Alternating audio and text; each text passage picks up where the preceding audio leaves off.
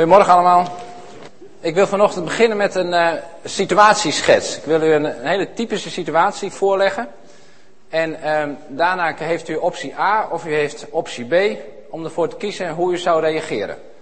Ja, dus u moet even goed opletten. Het is een beetje, het is natuurlijk maar bedacht, dat snap ik wel, maar het gaat er even om wat uw reactie daar zal zijn. En dan vraag ik aan het eind van kiest u voor situatie A of kiest u voor situatie 2. U moet even uw hand opsteken, het hoeft niet met de ogen dicht en zo. Maar dat we gewoon even kijken hoe dat gaat werken. Stel u voor, het wordt uh, uh, weer zomer, de zon gaat schijnen. Uh, ergens in juni of zo. En het is weer een heerlijk mooi weer. U heeft een drukke dag gehad. Thuis of op het werk. Of je hebt op school hartstikke druk gehad. En je denkt, weet je, ik ga een eindje fietsen. Dus je fietst hier zo, dracht een beetje uit, richting Nietap. En dan denk je op een gegeven moment, nou wat zal ik doen? Zal ik richting Rottevallen gaan of zal ik via Ouda gaan? Nou, weet ik, Oudega, maakt het uit. Dus gaat zo weer Oudega zo, een beetje bij die weilanden langs. Dat is erg mooi als je zo bij uh, Opijnen links gaat en door die weilanden. En heerlijk aan het fietsen en denk wat is het leven aangenaam, wat is het lekker. Wel een drukke baan, maar nu is het ook wel weer heerlijk bijkomen. Je fietst een beetje. En wat ziet u daar? Daar staat een schuurtje in de brand of zo. Nee, dat dat gek, er is niemand bij. Dus u fietst er een beetje snel naartoe en denkt, dat is typisch.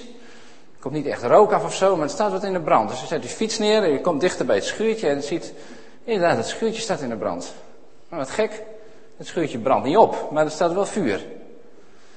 En ineens hoort u een stem en het blijkt God te zijn. Daarom zei ik, dat is een beetje een typisch voorbeeld.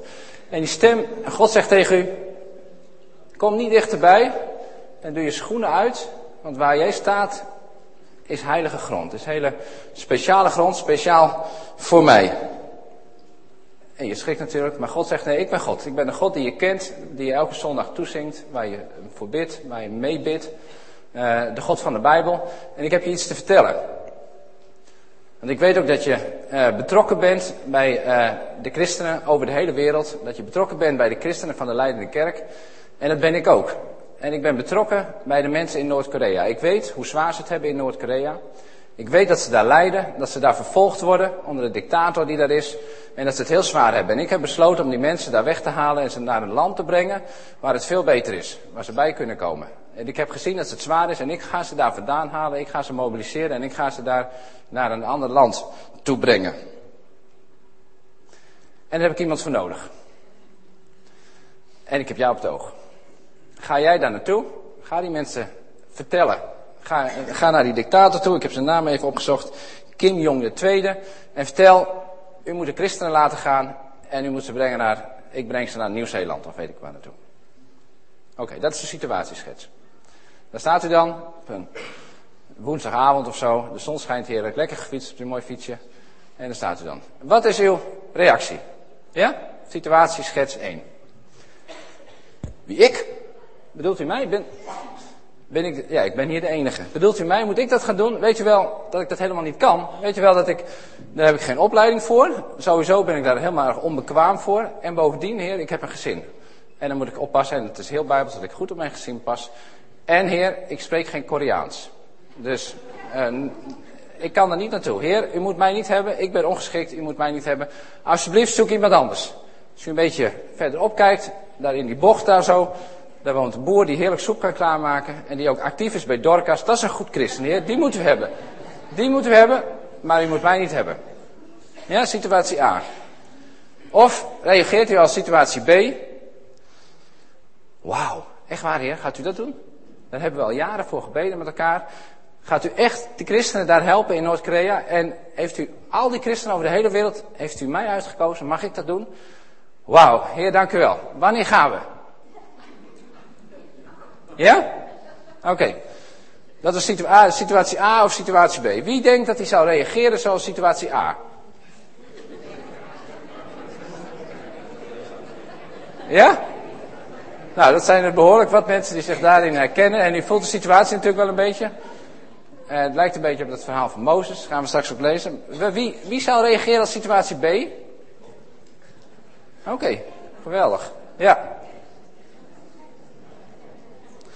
Ik wil het vanochtend met u hebben over als God ons opdrachten geven waarvan wij denken dat is toch onmogelijk. Hoe, hoe komt God erbij om dit soort dingen te gaan doen. Zowel in kleine situaties als in grote situaties. En Mozes, want u herkent die situatie wel, die krijgt zo'n opdracht. En dat voelt een beetje als op deze manier. Gestuurd worden naar Noord-Korea.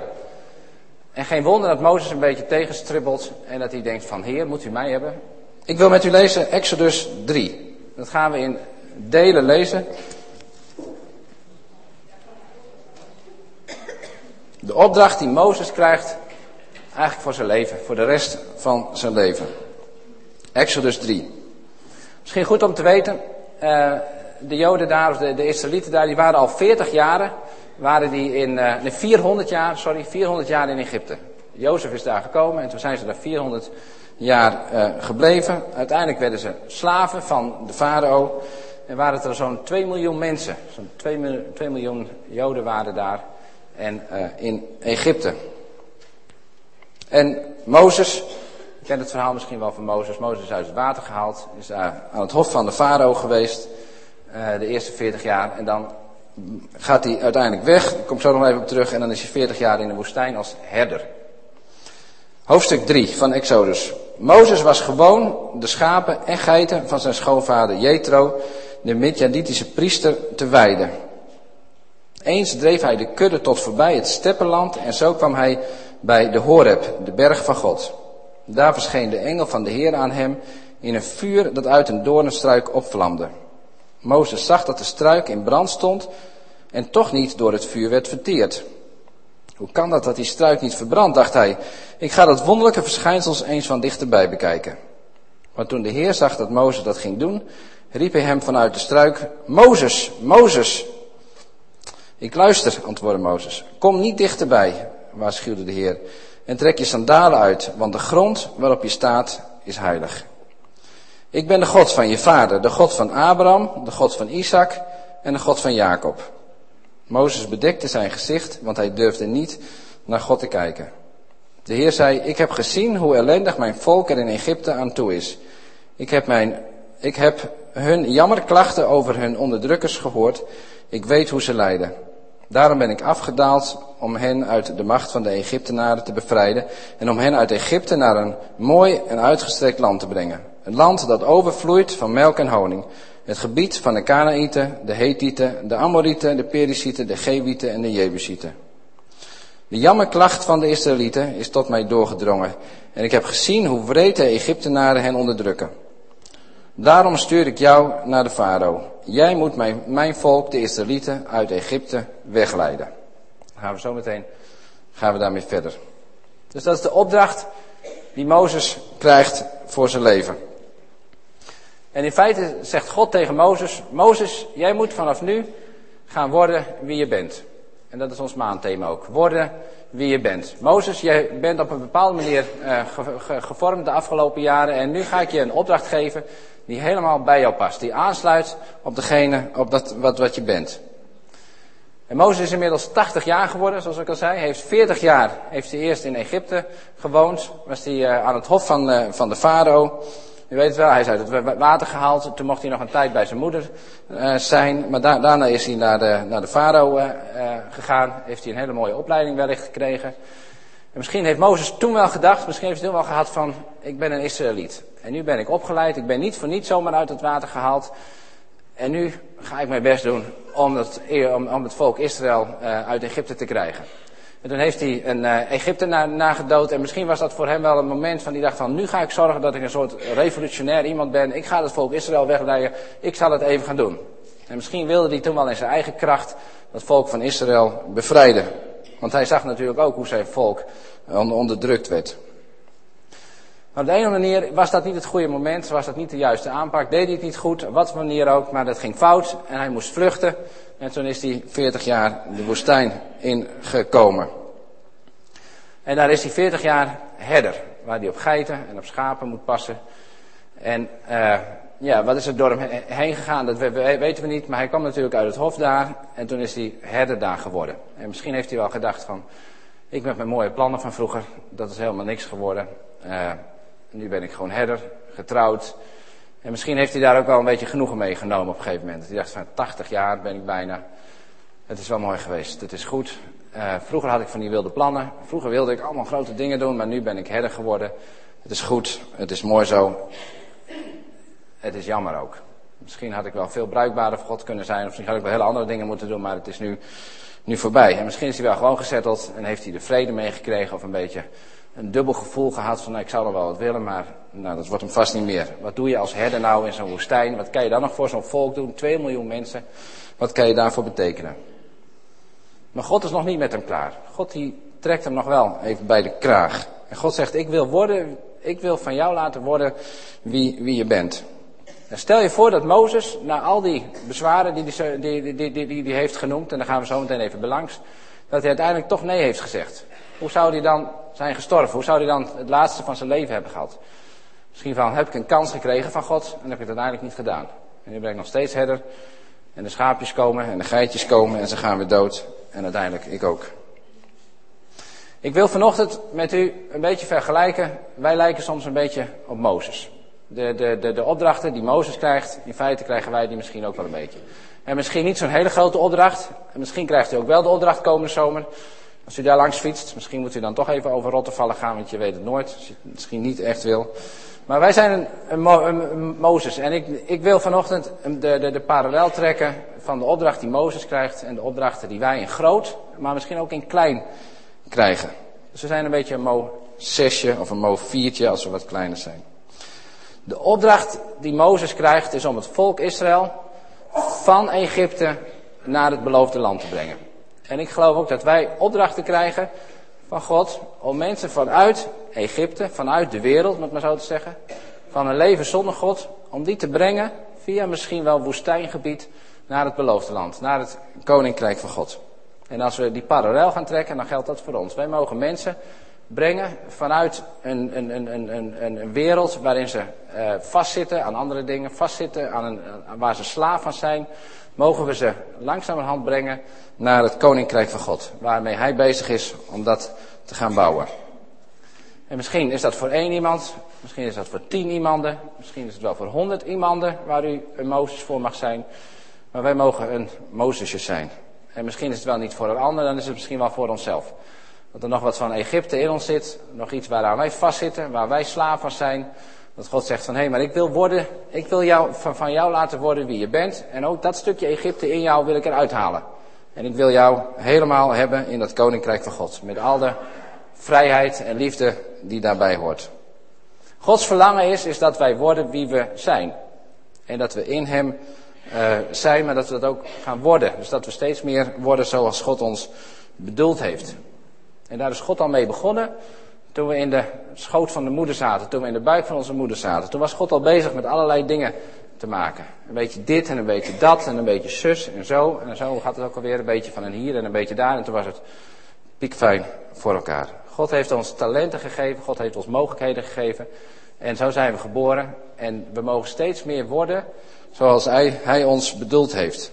Hij heeft ons talenten gegeven, misschien ook wel dromen gegeven, verlangens gegeven om iets te gaan doen voor Hem, zodat we steeds meer worden wie we zijn. Dat geldt voor ons karakter, dat geldt voor de dingen die we om ons heen in ons dagelijks leven mogen gaan doen. En daar wil ik vanochtend met u bij stilstaan, want dat plan had Hij ook met Mozes. En Mozes stond daar op die berg en met dat vreemde vuurwerk wat daar plaatsvond en wat maar niet verbrandde. En er dreigde een aantal keren dat Mozes zei van ik doe het niet. En dat hij uiteindelijk niet zou worden zoals God hem bedoeld had. En misschien gelden die redenen ook wel voor ons. Dat wij, als God ons iets vraagt, in klein of in groot, dat we een van die redenen opwerpen waardoor we het uiteindelijk misschien wel niet gaan doen. En dat we dreigen mis te worden, of dreigen dat te worden wat God niet met ons bedoeld heeft, maar dat we misschien wel, zoals Mozes nee had gezegd, in die woestijn blijven en op die schaapjes en die geitjes blijven passen. Daar wil ik met u naar kijken. De eerste reden die Mozes aandraagt is vers 11. Ik zal vers 11 en 12 met u lezen. En Mozes zegt, maar wie ben ik dat ik naar de farao zou gaan en de Israëlieten uit Egypte zou leiden? God antwoordde, ik zal bij je zijn en dit zal voor jou het teken zijn dat ik je heb gestuurd. Als je het volk uit Egypte hebt weggeleid, zullen jullie God bij deze berg vereren. Dat is de eerste reden waarom Mozes zegt van wie ben ik? Waarom, waarom ik? Wie ben ik? En het antwoord van God is eigenlijk wel heel mooi, want God gaat er eigenlijk niet op in. Hij zegt niet wie ben ik? Ja, wie ben jij? Het staat, nee, God zegt, maar ik ben er. God legt het accent even op een, op, op, op, uh, op een andere manier. God legt niet het accent op jou en op mij of op Mozes. Nee, maar hij legt het accent op, maar ik ben bij je. Ik ben er. En toen ik dat verhaal iets anders ging lezen in deze voorbereiding, dacht ik van misschien staat dit er ook wel een beetje. En overdrijf ik het een beetje om het u duidelijk te maken. God ziet de, de, Israëlieten in Egypte en hij heeft besloten daar iets aan te doen. En God heeft, en het zegt hij ook, ik ga zorgen dat het volk Israël naar het beloofde land gaat komen. Ik ontferm mij over hen en ik ga het regelen. Ik zorg dat ze nou daar, uh, door de woestijn gaan en dat ze uiteindelijk in het beloofde land komen. En dan zegt hij Mozes, eh, te, tegen, tegen Mozes zegt hij misschien wel een beetje van, Mozes, ik ga het doen, maar wil jij, want jij kent die farao nog, wil jij even naar die farao gaan en het even zeggen? En jij bent al 40 jaar in deze woestijn, wil jij even voorop lopen, want jij weet de weg een beetje door die woestijn. Wil jij uh, even voorop lopen, dan zorg ik dat het allemaal gaat gebeuren. Voel je het verschil? Mozes legt het accent op zijn taak en zegt, ik, eh, moet ik dat helemaal doen? Moet ik naar de farao? Moet ik dat allemaal regelen? Moet ik dat hele volk meenemen? Weet je wel hoeveel werk het is? En God zegt, nee, dat ga ik allemaal doen. Jij moet het even tegen de farao zeggen en je moet even voorop lopen. Nou, soms krijgen wij een opdracht van God en zijn we met dingen bezig en dan zeggen we, heer, moet ik dat allemaal doen? En het enige wat ik moet doen is mijn mond even overdoen en even iets zeggen. Van, ik ben christen en ik wil het graag op die manier. Maar dan zie ik het zo groot en dan denk ik, oh, moet ik dat doen? Nee, zegt God, ik doe het. Ik zorg ervoor, ik ga het volk leiden, ik ga de dingen doen. En het enige wat jij moet doen is even, even je mond open doen en het even zeggen. Nou, een beetje zwart-wit neergezet, maar ik denk soms zien we tegen taken op die God ons geeft, tegen situaties waar we in zitten. Soms zijn het maar hele kleine situaties. En God die geeft ons uh, de opdracht en denken we, wauw, wat groot. Maar we hoeven alleen maar even iets te doen Alleen maar even een hand uit, uit de mouw te steken om mensen te helpen. Alleen maar even iets te zeggen. En God die doet de rest. Is ook een vorm van minderwaardigheid die Mozes heeft. Mozes denkt misschien maar anderen kunnen dat veel beter. Heer, moet ik dat doen? Ik ben maar een eenvoudige herder. En ik heb het verknald in Egypte. Gaat u mij vragen? Ja, zegt God, ik ga jou vragen. Dus soms denken we ook heel klein over onszelf. Dan denken we, oh, dat kan ik helemaal niet. zoals dat voorbeeld van, uh, van Noord, Noord-Korea. En denkt u, ja, er zijn tig andere mensen die dat beter kunnen. Nee, zegt God. Ik heb jou op het oog. En God belooft ook nog iets moois erbij. Hij zegt, je zult het ook nog overleven, vriend. Want hier staan we straks weer op deze berg. En dan zal ik je de tien geboden geven. Maar dan zal jij bij zijn. Dan zal ik een verbond met je sluiten. Dus God laat Mozes zien wat voor plan God uiteindelijk heeft. En als wij een klein Mozesje zijn, dan uh, laat God ons denk ik ook zien dat God een plan heeft met deze wereld. Dat hij bezig is het koninkrijk van God te bouwen. En soms krijgen wij opdrachten, krijgen we dingen om te doen. En denken, wat is dat groot? Maar laten we het in Gods perspectief zien. Wij hoeven maar een heel klein beetje te doen. En God is met het hele grote plan bezig. Met het koninkrijk van Hem om dat te gaan bouwen. En daar mogen wij een klein schakeltje in zijn. En dan mogen wij af en toe onze mond open doen. Het lijkt een beetje op dat voorbeeld van die vader en die zoon die samen in de tuin bezig zijn, die het hartstikke druk hebben.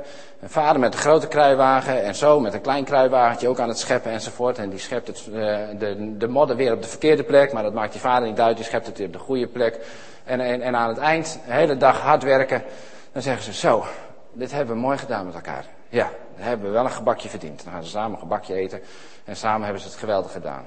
En als je het goed kijkt wat er uiteindelijk gebeurt, die vader heeft 101% gedaan en die zoon die heeft dat ene procentje gedaan, maar net de verkeerde kant uit. Soms denken wij heel groot van wat we voor God allemaal doen moeten. Maar soms werken we alleen maar tegen hem. Maar hij wil het samen met ons doen. En hij is bezig dat koninkrijk van God te bouwen. En daarin hebben wij een rolletje. En daarin vraagt hij wel of wij daarmee met hem op pad willen gaan. En soms kan het dan zijn dat je in situaties bent op je werk. Dat jij zegt van, en nu doe ik mijn mond open. En nu ben ik degene die iets gaat zeggen. Want God vraagt in zo'n situatie misschien van u om even iets te zeggen. Nee, ik doe niet mee met die roddel. Nee, ik vind dat we eerlijk moeten zijn. Nee, ik vind dat we op die manier dingen moeten gaan doen. En misschien denkt u dan wel in zo'n situatie, moet ik dan nu wat zeggen? Ik heb ook nog een andere christelijke collega. Die kan het ook heel goed. Anders heeft hij zijn mond ook altijd open. Nee. God zegt op sommige momenten tegen jou, doe je mond open, doe iets, ga ermee aan de slag.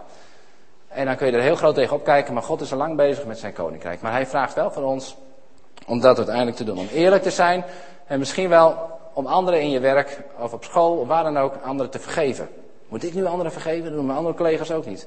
Ja, op dit moment vraagt God dat misschien voor jou. Om dat te gaan doen en om op die manier te bouwen in zijn koninkrijk. Om maar te zeggen, het gaat niet altijd om hele grote dingen. Soms zijn die hele kleine dingen op je werk ook al hele grote dingen. Dus wie ben ik? Dat is de eerste reden die Mozes aandraagt om maar niet te worden zoals God hem zou willen hebben. We gaan naar vers 13, naar de tweede reden. En dan lees ik tot en met vers 15. Maar Mozes zei, stel dat ik naar de Israëlieten ga en tegen hen zeg dat de God van hun voorouders mij gestuurd heeft. En ze vragen, wat is de naam van die God? Wat moet ik dan zeggen? Toen antwoordde God hem, ik ben die er zijn zal. Zeg daarom tegen de Israëlieten, ik zal er zijn, heeft mij naar u toegestuurd. Ook zei hij tegen Mozes, zeg tegen hen, de Heer heeft mij gestuurd, de God van uw voorouders, de God van Abraham, de God van Isaac, de God van Jacob. En heeft gezegd, zo wil ik voor altijd heten. Met die naam wil ik worden aangeroepen door alle komende geslachten. De volgende reden die Mozes aandraagt is, wie, wie bent u? Wie bent u? Wat moet ik zeggen wie u bent? En dat is ook zo mooi met, met, met het thema wat we nu hebben. Ons thema is worden wie je bent. En God zegt, ik ben die ik ben. Dat staat in de oude vertaling en hier staat, ik zal er zijn. God is gewoon wie hij is. Dit thema is niet voor God bedoeld, want hij is al wie hij is. Wij moeten worden wie we zijn. In onze, door, de, door onze wedergeboorte, door onze bekering zijn we een andere persoonlijkheid geworden in feite. Zijn we een andere identiteit gekregen. Geen andere persoonlijkheid, maar hebben een andere identiteit gekregen en mogen steeds meer worden wie we zijn. Maar God is al degene wie die is. Waar die ook is, hij is degene die hij is. We hebben hele mooie liederen over God gezongen, hoe machtig die is. En als, het, uh, als hij spreekt, dat hij dan geweldig is en dat hij dan groot is. En dat geloven we allemaal, dat beleiden we allemaal met elkaar. En als Mozes naar die farao toe gaat, dan zegt God niet van, maar dan ben ik ineens een andere God. Dan ben ik ineens uh, niet meer groot en geweldig. Nee, God is wie hij is. En als wij naar onze farao toe gaan, en als Mozes naar zijn farao toe gaat, dan gaat God met ons mee, want hij gaat met ons mee, want hij is in ons, dus hij gaat altijd met ons mee.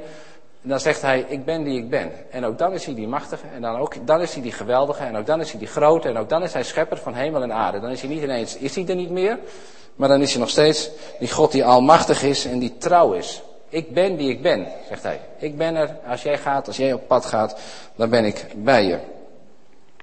En dan is aan ons de vraag, en dat is misschien ook wel die vraag aan Mozes geweest, van vertrouw je er dan ook op dat ik nog steeds ben die ik ben, als jij voor die farao staat? Ik sprak deze week een jongen, die, moest naar de, die, uh, die werkte ergens en die moest naar het, het hoofdkantoor om, om verantwoording af te leggen voor dingen die hij deed. Nou, daar is niks mis mee, want iedereen moet wel eens naar zijn baas om te vertellen wat hij uiteindelijk gedaan had. Maar hij moest naar het hoofdkantoor en hij wist dat daar een antichristelijke zwering, en dat was ook zo. En ze wisten dat hij christen was en dat ze hem daar af en toe eens even flink op beet nemen. Zijn baas heeft hem daar ook, ook wel op gepakt.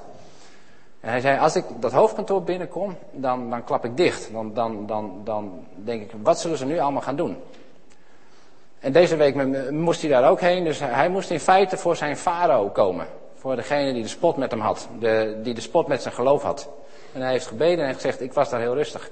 En ik heb gemerkt dat God bij me was. En ik denk, ja, dat is wat, wat Mozes ook eigenlijk een beetje moet doen. Dat is ook zo'n Mozes-actie. Komen bij mensen die misschien wel de spot hebben met je geloof, die de spot hebben met God. Um, maar dan weten dat God zegt, ik ben die ik ben. Ik ben met je mee en ik ben hier in, in dit, dit kerkgebouw ben ik een groot en machtig God. En dat vinden we geweldig om te zingen. Maar diezelfde God gaat met je mee als je tegenover je tegenstanders, tegenover je vijanden staat. Ik moest denken aan het verhaal van die vrienden van Daniel, die uh, voor die vurige steen overstaat. Weet je wel, die, uh, ze moesten allemaal buigen voor, uh, voor Nebukadnezar. Alleen die vier vrienden, of die drie vrienden, die doen dat niet. Die, die buigen niet. En dan moeten ze bij Nebuchadnezzar komen en die zegt, waarom buigen jullie niet? Nou, wij buigen alleen maar voor God. Nou, dat was de farao van, van hun, om het maar zo te zeggen. Nou, dan moet je wel lef hebben. Dan moet je ook wel echt gaan. En wat ze dan zeggen, is van, uh, uh, de God, die is bij ons. En die vraagt dat ook en die zal ons redden. En als hij dat niet doet, dan, dan is het ook goed. Maar wij doen het niet. En zij, krijgen, zij blijven vertrouwen in de God die machtig is en die groot is. Je moet denken aan, aan David die voor Goliath staat. Het hele volk Israël ging misschien op de Sabbat de Heer prijzen en hoe geweldig die is. En op maandag stonden ze weer tegenover Goliath. En dan zakte de moed weer in de schoenen. Maar David zei nee, ik beleid dat God mijn Heer is. En hij is hij ook op maandag. En dat is hij ook als ik voor de farao staat. En zo mogen wij, als wij in situaties komen waarvan we denken van, oh, straks worden, worden we onderuit gehaald, straks gaat het fout. Dan, dan is God degene, ik ben die ik ben. Dan is hij met ons mee en dan gaat hij voor ons uit. En het is een hele goede vraag die Mozes stelt. Wie bent u? Want ik geloof dat als we dingen voor God gaan doen, dan moeten we God steeds beter leren kennen. En naarmate we God steeds beter kennen, steeds meer ons verdiepen in zijn woord, in, in de relatie die we met hem hebben, steeds meer dingen met hem gaan ervaren, dat God ons ook voor steeds grotere dingen kan vragen. Omdat we hem kennen, dat we die relatie met hem hebben. Als jouw relatie met God één is van op zondag mooie liederen zingen. En God gaat jou uh, een, een, taak geven waar, waarmee je even een paar keer moet slikken. Dan denk je, ja, hoe goed ken ik God? Ken ik God van die mooie opwekkingsliederen? Of ken ik God van de mooie Bijbelverhalen die ik ooit eens een keer gelezen heb? Of die ik met de kinderen altijd netjes lees? Of ken ik God van de realiteit in mijn leven? Omdat ik nog weet van hoe het vorige week, vorige maand was, dat Hij ook met mij mee was. En zo mogen we met God een relatie ingaan, opbouwen en met Hem steeds, steeds verder gaan. En krijgen we misschien wel steeds mooiere en grotere opdrachten van Hem. God wil worden God wil van jou maken zoals Hij jou, jou bedoeld heeft. En daarbij is het zo belangrijk dat we Hem kennen en dat we een relatie met Hem opbouwen. Reden 3 wil ik met u lezen. Maak even een sprongetje naar hoofdstuk 4, vers 1 tot en met 9. Dat was de eerste reden. Wie, wie, wie, wie, wie, zeggen de mensen wel? Nee, dat, dat, is de volgende. Eerst zegt, God, zegt Mozes van wie ben ik? Dus dan focust hij op zichzelf. Maar wie bent u? En nu focust hij op mensen om hem heen. Weer maakt Mozes bezwaar. Ze zullen me vast niet geloven en niet naar me luisteren, zei hij. Ze zullen zeggen, de Heer is helemaal niet aan jou verschenen. De Heer vroeg, wat heb je daar in je hand? Een staf, antwoordde Mozes. Gooi hem op de grond, beval de Heer. En toen Mozes dat deed, veranderde de staf in een slang. Mozes deinsde achteruit, maar de Heer zei tegen hem, grijp de slang bij zijn staart. Toen Mozes dat deed, veranderde in zijn hand de slang weer in een staf. De Heer zei, hierdoor zullen ze geloven dat de Heer, de God van hun voorouders, de God van Abraham, de God van Isaac en de God van Jacob, aan jou verschenen is. Ook zei hij, steek je hand eens in je kleed. Mozes deed dat. En toen hij zijn hand er weer uittrok, zag hij onder, zat die onder de uitslag. Hij was sneeuwwit. Steek je hand nog eens in je kleed zei de Heer. En Mozes deed het en toen hij zijn hand er opnieuw uittrok, zag hij er weer net zo uit als de rest van zijn huid. Als, je, als ze je niet geloven en zich niet door het, door het eerste wonderteken laten overtuigen, zei de Heer, dan zullen ze zich wel laten overtuigen door het tweede. Maar zijn ze door geen van deze beide wonderen te overtuigen en blijven ze weigeren naar je luisteren, dan moet je water uit de Nijl scheppen en het over het land uitgieten. Het water zal op het droge in bloed veranderen. Hier zegt Mozes, wat zullen de mensen wel niet van mij zeggen? En misschien is dat wel heel herkenbaar. Dat als je iets moet gaan doen voor God, als je denkt van hier moet ik een statement maken, hier wil ik iets van zeggen. Dat je heel snel daarvoor al even denkt, maar wat zullen die mensen wel niet van me denken? Wat zullen ze allemaal wel niet van me zeggen? Nou, Mozes had daar ook last van. Die denkt ook van, wat zullen ze allemaal wel niet zeggen? Wat zullen ze daar wel niet van denken? Zullen ze wel naar me luisteren? En dan zegt God eigenlijk van, daar moet je niet mee in discussie gaan, maar je moet maar laten zien. Wat heb je in je hand? Dat vond ik zo mooi. Wat heb je in je hand? En hij heeft natuurlijk gewoon zijn werktuig in zijn hand, waar hij altijd mee werkt. Dat is zijn staf. En misschien zegt God dan wel tegen ons ook op deze manier, als wij zo Mozes zijn, van laat dat maar even varen, maar ga maar gewoon aan de slag. Wat heb je in je hand? Wat voor gereedschap heb jij in je hand? En misschien heb jij wel een hamer in je hand, of een bakelsleutel, dat je daar heel handig in bent. Misschien heb je wel een muziek, muziekinstrument in je hand. Misschien heb jij het wel in je vingers om leiding te geven, of om, uh, om, uh, om, om leraar te zijn. Op wat voor manier ook. Wat voor talent heb jij van God gekregen? Wat voor kwaliteit heb jij gekregen? Uh, wat heb je in je hand? Wat kan jij? En ga daar maar gewoon mee aan de slag. En dan ga ik daardoorheen wel mijn wonderen doen. En je ziet dat die staf, gewoon zo'n stok wat, wat, uh, wat Mozes heeft, daardoor gaat God wonderen doen.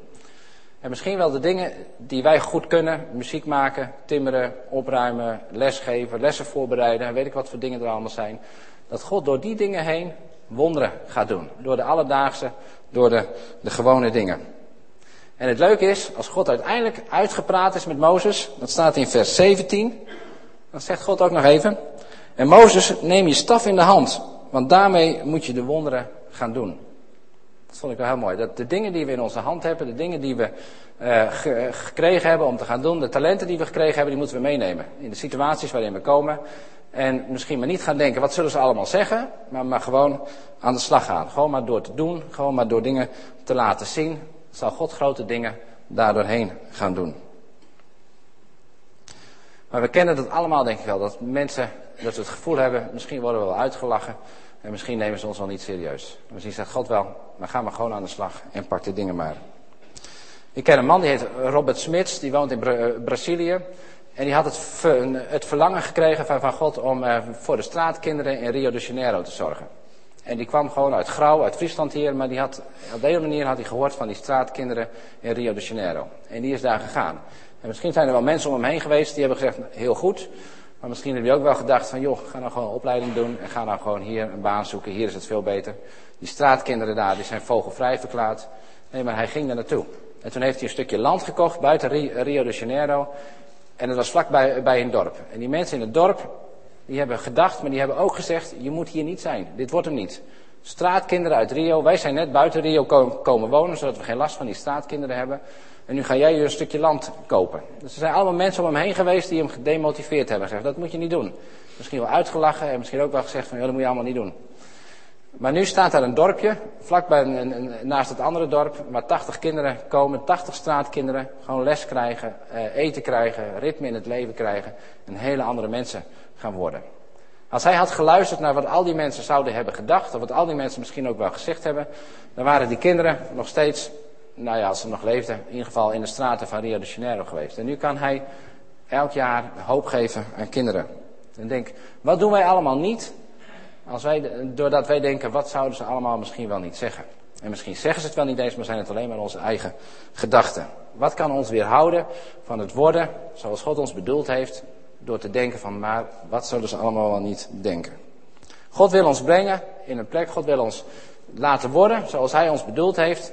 Um, en laten we daar niet drempels in gooien en zeggen van, hé, hey, maar wat zullen ze allemaal wel niet denken, laten we het maar niet gaan doen. Gelukkig gaat Mozes door en gelukkig gaat uh, God ook door. Dan gaan we naar de volgende, vers 10 van hoofdstuk 4. Maar Mozes antwoordde, neemt u mij niet kwalijk, heer, maar ik ben geen goed spreker. Dat is altijd al zo geweest en daar is geen verandering in gekomen nu u tegen mij, uw dienaar, gesproken hebt. Ik kan nooit de juiste woorden vinden. De Heer zei, wie heeft de mensen mond gegeven? Wie maakt iemand stom of doof, ziende of blind? Wie anders dan ik, de Heer? Ga nu, ik zal bij je zijn als je moet spreken en je de woorden in de mond leggen. De volgende drempel die Mozes opwerpt om te worden wie hij is, zoals God hem uiteindelijk bedoeld heeft, is ik ben onbekwaam. Dit kan ik niet. Heer, ik heb nog nooit goed kunnen spreken. Dit kan ik niet. Dit, dit zijn mijn onbekwaamheden. En God gaat er ook wel weer een beetje aan voorbij. Dat vind ik altijd wel leuk, want God zegt, wie heeft jou die mond gegeven? Met andere woorden, God zegt, ik ken jouw zwakheden wel. Ik weet echt wel wat jouw zwakheden zijn. Ik weet echt wel waar jij niet goed in bent. Dat hoef je allemaal niet op te sommen. En wij als mensen weten vaak heel goed wat we allemaal niet kunnen. En dan kunnen we ook wel zeggen, nee, dit kan ik niet, dit kan ik niet. Maar God kijkt niet zozeer naar al onze onmogelijkheden, maar God kijkt naar onze mogelijkheden. En wij zijn heel makkelijk geneigd om te zeggen van, dit en dit kan ik niet. Ik zocht daar een, voorbeeld bij en toen hoefde ik eigenlijk niet heel lang te zoeken. Ik sprak deze week met iemand die, uh, die werkt bij Triple T, dat is een, uh, een bijbelschool hier in Drachten. En die zeiden, Harry, zou jij ook niet een keer twee lessen willen geven op die bijbelschool? Toen zei ik, nou, dat lijkt me wel leuk, maar ik heb geen theologische opleiding hoor. Dus, uh, met andere woorden, mij moet je niet hebben, want je moet iemand met een theologische opleiding hebben. Maar eigenlijk leek het me wel heel erg leuk. En dan dacht ik, ja, eigenlijk is dat ook weer zo'n reactie. Van, heer, ik ben onbekwaam, u moet mij niet hebben. Er zijn mensen die hebben daarvoor gestudeerd, die moet u hebben. En misschien denken we dat we heel vaak in situaties waarin we het idee hebben dat God ons roept om dingen te zeggen, om dingen te doen. Nogmaals, in klein of in groot. Dan zeggen, heer, maar eh, ja, ik ben niet geschikt, die kan ik eigenlijk helemaal niet. Weet je wel wat voor uh, stotteraar ik ben? Weet je wel hoe ik de dingen verknal? Mozes was ook, had ook een beetje een opvliegend karakter. Hè? Uh, was ook een, een, een, lastig man soms. Hè? Die, uh, die dood tegen een Egyptenaar. Nou, wild mannetje. Zo, uh, en God kent hem wel. God weet het wel. En God zegt, ik ken jouw onmogelijkheden wel. Maar toch wil ik jou gebruiken. En toch ga ik jou vragen om deze zware klus, deze grote klus uiteindelijk te gaan doen. En zo mogen we leren te kijken naar de mogelijkheden die we hebben. En als je goed naar Mozes kijkt, dan zie je ook dat hij eigenlijk een geweldige cv heeft. Dat hij een geweldige mogelijkheden heeft. Hij is uit het water gered, hij is Israëliet. Toen is hij aan het hof gekomen bij, bij de farao, dus hij kent al die toestanden bij de farao, heeft daar een goede opleiding gehad, heeft misschien wel kunnen lezen en schrijven daar. Ik weet niet hoe die situatie er was, maar uh, hij, hij, is daar niet slaaf geweest. Hij, is daar, hij heeft daar een goede opleiding gehad. Dus hij heeft genoten met een heel stuk opleiding wat hij daar had. Heel veel beter dan heel veel andere Israëlieten. En toen is hij ook nog 40 jaar in de woestijn geweest. Hij kent het woestijnleven als geen ander. Nou, dat is een bijzondere cv voor iemand die je zoekt van weer naar de farao gaan en een volk nog 40 jaar door de woestijn leiden. Dus God zag de mogelijkheden. En als u en als jij terugkijkt op je leven, dan kun je kijken naar wat je allemaal verknald hebt, wat er fout gegaan is. Maar misschien is het ook goed om te kijken van, maar wat voor vaardigheden heb ik ontwikkeld? Wat voor ervaring heb ik opgedaan? Wat voor mogelijkheden heb ik uiteindelijk gekregen? En misschien leg je wel een beetje van dit en een beetje zus en allemaal verschillende dingen gedaan. Maar misschien zit daar wel een hele mooie rode draad doorheen die God al lang ziet en die jij misschien nog niet ziet, die u nog niet ziet. Wat een hele mooie vervolgstap geeft voor als je bij zo'n brandende braamstruik komt en dat God zegt van en nu wil ik dat je deze kant uit gaat. Wij zijn zo gewend te kijken naar onmogelijkheden, maar laten we kijken naar mogelijkheden. En laten we die mogelijkheden ook in elkaar zien. En spreek dat ook naar een ander uit. En zeg tegen een ander van, maar dat zijn jouw mogelijkheden. Wat goed dat je dat, wat, dat, je dat kunt. En dat we elkaar erin aanmoedigen, zodat we zien welke mogelijkheden we hebben. Om dan vervolgens weer heel hoogmoedig te worden en dan weer tegen iemand te zeggen van hé, hey, dat ook weer niet. Maar we zitten vaak in die andere hoek. Dat we denken, maar dit, nee, dit kan ik niet. Dit, dit kan ik niet. Nee, ik ben onbekwaam. Maar gelukkig zegt God tegen Mozes, uh, ik zie die mogelijkheden in jou en ik, ik heb je gevormd en je hebt een geweldige geschiedenis. Ik wil jou juist gebruiken. Gaan we naar de vijfde. En dat is uh, vers 13. En dat is een hele mooie ook. Maar Mozes hield vol. Neemt u mij niet kwalijk, heer. Stuur toch iemand anders wie u maar wilt. Nu werd de heer kwaad op Mozes. Je hebt toch een broer, de Levita Aaron, zei hij. Ik weet dat hij wel bespraakt is. Hij is al naar je onderweg en zal blij zijn je te zien. Vertel jij hem wat hij moet zeggen. Ik zal bij jullie zijn als je moet spreken. En jullie ingeven wat je moet doen. Hij zal in jouw plaats het volk toespreken. Hij zal jouw mond zijn. Jij zult zijn God zijn. En neem je staf in de hand, want daarmee moet je de wonderen doen. En uiteindelijk komt de aap ook een beetje uit de mouw. Mozes heeft gewoon geen zin. Die wil gewoon niet. En dan zegt hij iets heel moois, en dat staat niet in die oude vertaling, daarom viel het me zo op. Heer, stuur toch iemand anders, wie u maar wilt, maar niet mij. Dat is eigenlijk wat God zegt. Heer, dit is geweldige taken, en, en, uh, maar u moet mij niet hebben. Want Mozes die wil uiteindelijk niet. En ik denk, hoe, hoe is het ook makkelijk in ons leven? We bidden, Heer, wilt u ons veranderen? Heer, wilt u onze gemeente laten groeien misschien wel? Wilt u mij inzetten in uw koninkrijk? Wilt u dingen in mij veranderen? Maar uiteindelijk, als het puntje bij paaltje komt, dan de meeste van ons die houden niet van verandering. Stel je nou eens voor dat onze gemeente groeit, dan moeten we twee diensten gaan houden. En de eerste dienst om kwart voor negen en de tweede om elf uur of zo, ik verzin maar wat. Dat zijn toch geen tijden om naar een kerk te gaan, om kwart voor negen of om elf uur. Dan is je hele zondag weg als het mooi weer is. Wij houden helemaal niet van die verandering. Jakkers, moeten we twee diensten gaan houden. En zo zijn er misschien wel allerlei dingen in ons leven als we gaan veranderen, maar we willen helemaal niet anders. Zoals het mooi is, is toch mooi zo? Mozes heeft misschien wel van, ik ben herder. En het is ook wel mooi. Die schaapjes is geweldig en uh, het is mooi zo. En ik ga weer naar huis en ik ga naar mijn vrouw en kinderen en we eten wat en het is goed. En dan sta ik daar voor een immens grote taak. Dat moet ik gaan doen. En denk, hoe makkelijk is het bij ons ook dat we geen zin in verandering hebben. Dat God ons roept en dat onze laatste reden is, of onze eigenlijke reden misschien wel. Maar ik wil het helemaal niet anders. Zoals het is, is het goed en is het mooi genoeg. En God zegt van, maar daar heb ik geen boodschap aan. Dat God tegen ons zegt, verander, maar dat we zeggen, ja, maar begin bij Hem. Begin bij Hem, hier. Uh, er moeten dingen in, uh, in, de, in, in de gemeente gebeuren, en dat weten we allemaal, dat is allemaal heel belangrijk. Maar eigenlijk is die ander meer geschikt en kan die ander het beter dan ik. Ik moet het niet doen, want ik heb het druk en ik heb mijn eigen dagelijkse dingetjes. Ik ga niet ook nog schoonmaken of mensen helpen die hulp nodig hebben of zo. Nee. Maar God zegt, ik heb jou op het oog en jou wil ik daarvoor vragen. Vijf redenen die Mozes heeft aangedragen uh, om niet te worden wie die zou moeten zijn zoals God hem in ieder geval op het oog heeft. En zo mogen wij, denk ik, dan ga ik afsluiten, mogen wij in, in situaties, in werk, op thuis, uh, in de kerk, op allerlei situaties, laat God ons zo'n brandende braamstruikmoment zien. Komen we in dit soort situaties waarin we het idee hebben dat God tegen ons zegt van, zeg iets, doe iets, of doe iets groots, doe iets kleins. En dat we heel snel denken, oh niet ik, oh een ander kan het beter, of nu even geen tijd. En misschien moeten we dat wel aan de kant gooien en zeggen van Heer, maar als u dat van mij vraagt, dan betekent het dat u bezig bent mij te veranderen om te worden wie ik ben. Dat ik mag doen zoals u mij bedoeld hebt. In kleine situaties, maar misschien ook wel in grote situaties heb ik zitten bedenken. Misschien heeft u vroeger wel een, een droom gehad of een, een passie gehad en misschien heeft u dat nog steeds wel. Maar bent u vier jaar, veertig jaar op een heel ander spoor terechtgekomen. En dacht, maar vroeger had ik het verlangen om dit te gaan doen. Vroeger, toen, toen wilde ik leraar worden. Of vroeger wilde ik iets met weeskinderen doen. Of vroeger wilde ik dit. Of vroeger wilde ik dat. Maar door allerlei omstandigheden is dat er niet terecht van gekomen. Heeft u druk gehad met uw baan, druk thuis of met andere dingen. Eh, maar is dat nog wel in uw hart aanwezig? Maar door de dagelijkse dingen is dat een beetje weggedrukt. En misschien zijn er wel van die brandende braamstruikmomenten dat als je een krant leest, of als je met een broeder of zuster spreekt, of misschien deze dienst, dat dat, dat, dat verlangen, die droom, weer in, in, in, in, op gaat wekken. Dat er weer iets gaat komen. Maar dat heb ik, dat is er. En misschien moet je daar nog wel iets mee gaan doen. Misschien moet je wel denken van, maar die droom wat ik toen had, of misschien een, een, eh, een betrouwbare pro profetie die over u is uitgesproken, en denkt van, ja, maar dat was inderdaad God die tot mij sprak, daar gaat iets mee gebeuren.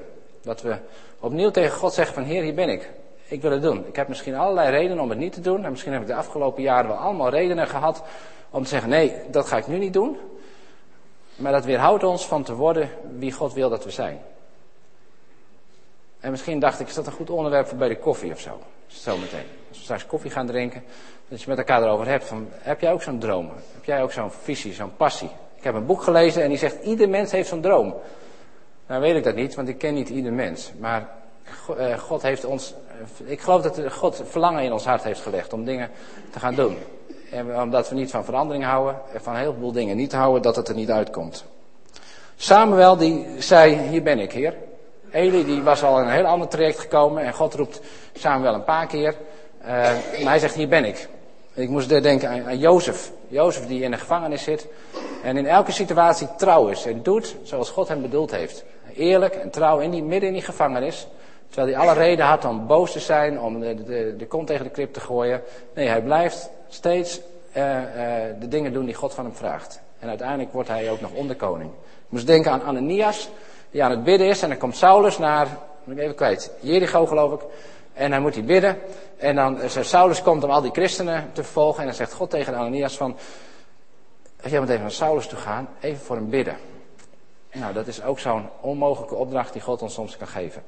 En misschien krijg je wel eens een onmogelijke opdracht en heb je die als droom, als verlangen. Uh, en ik wil je aanmoedigen om daarover na te gaan denken. Van misschien moet je daar nog iets mee gaan doen.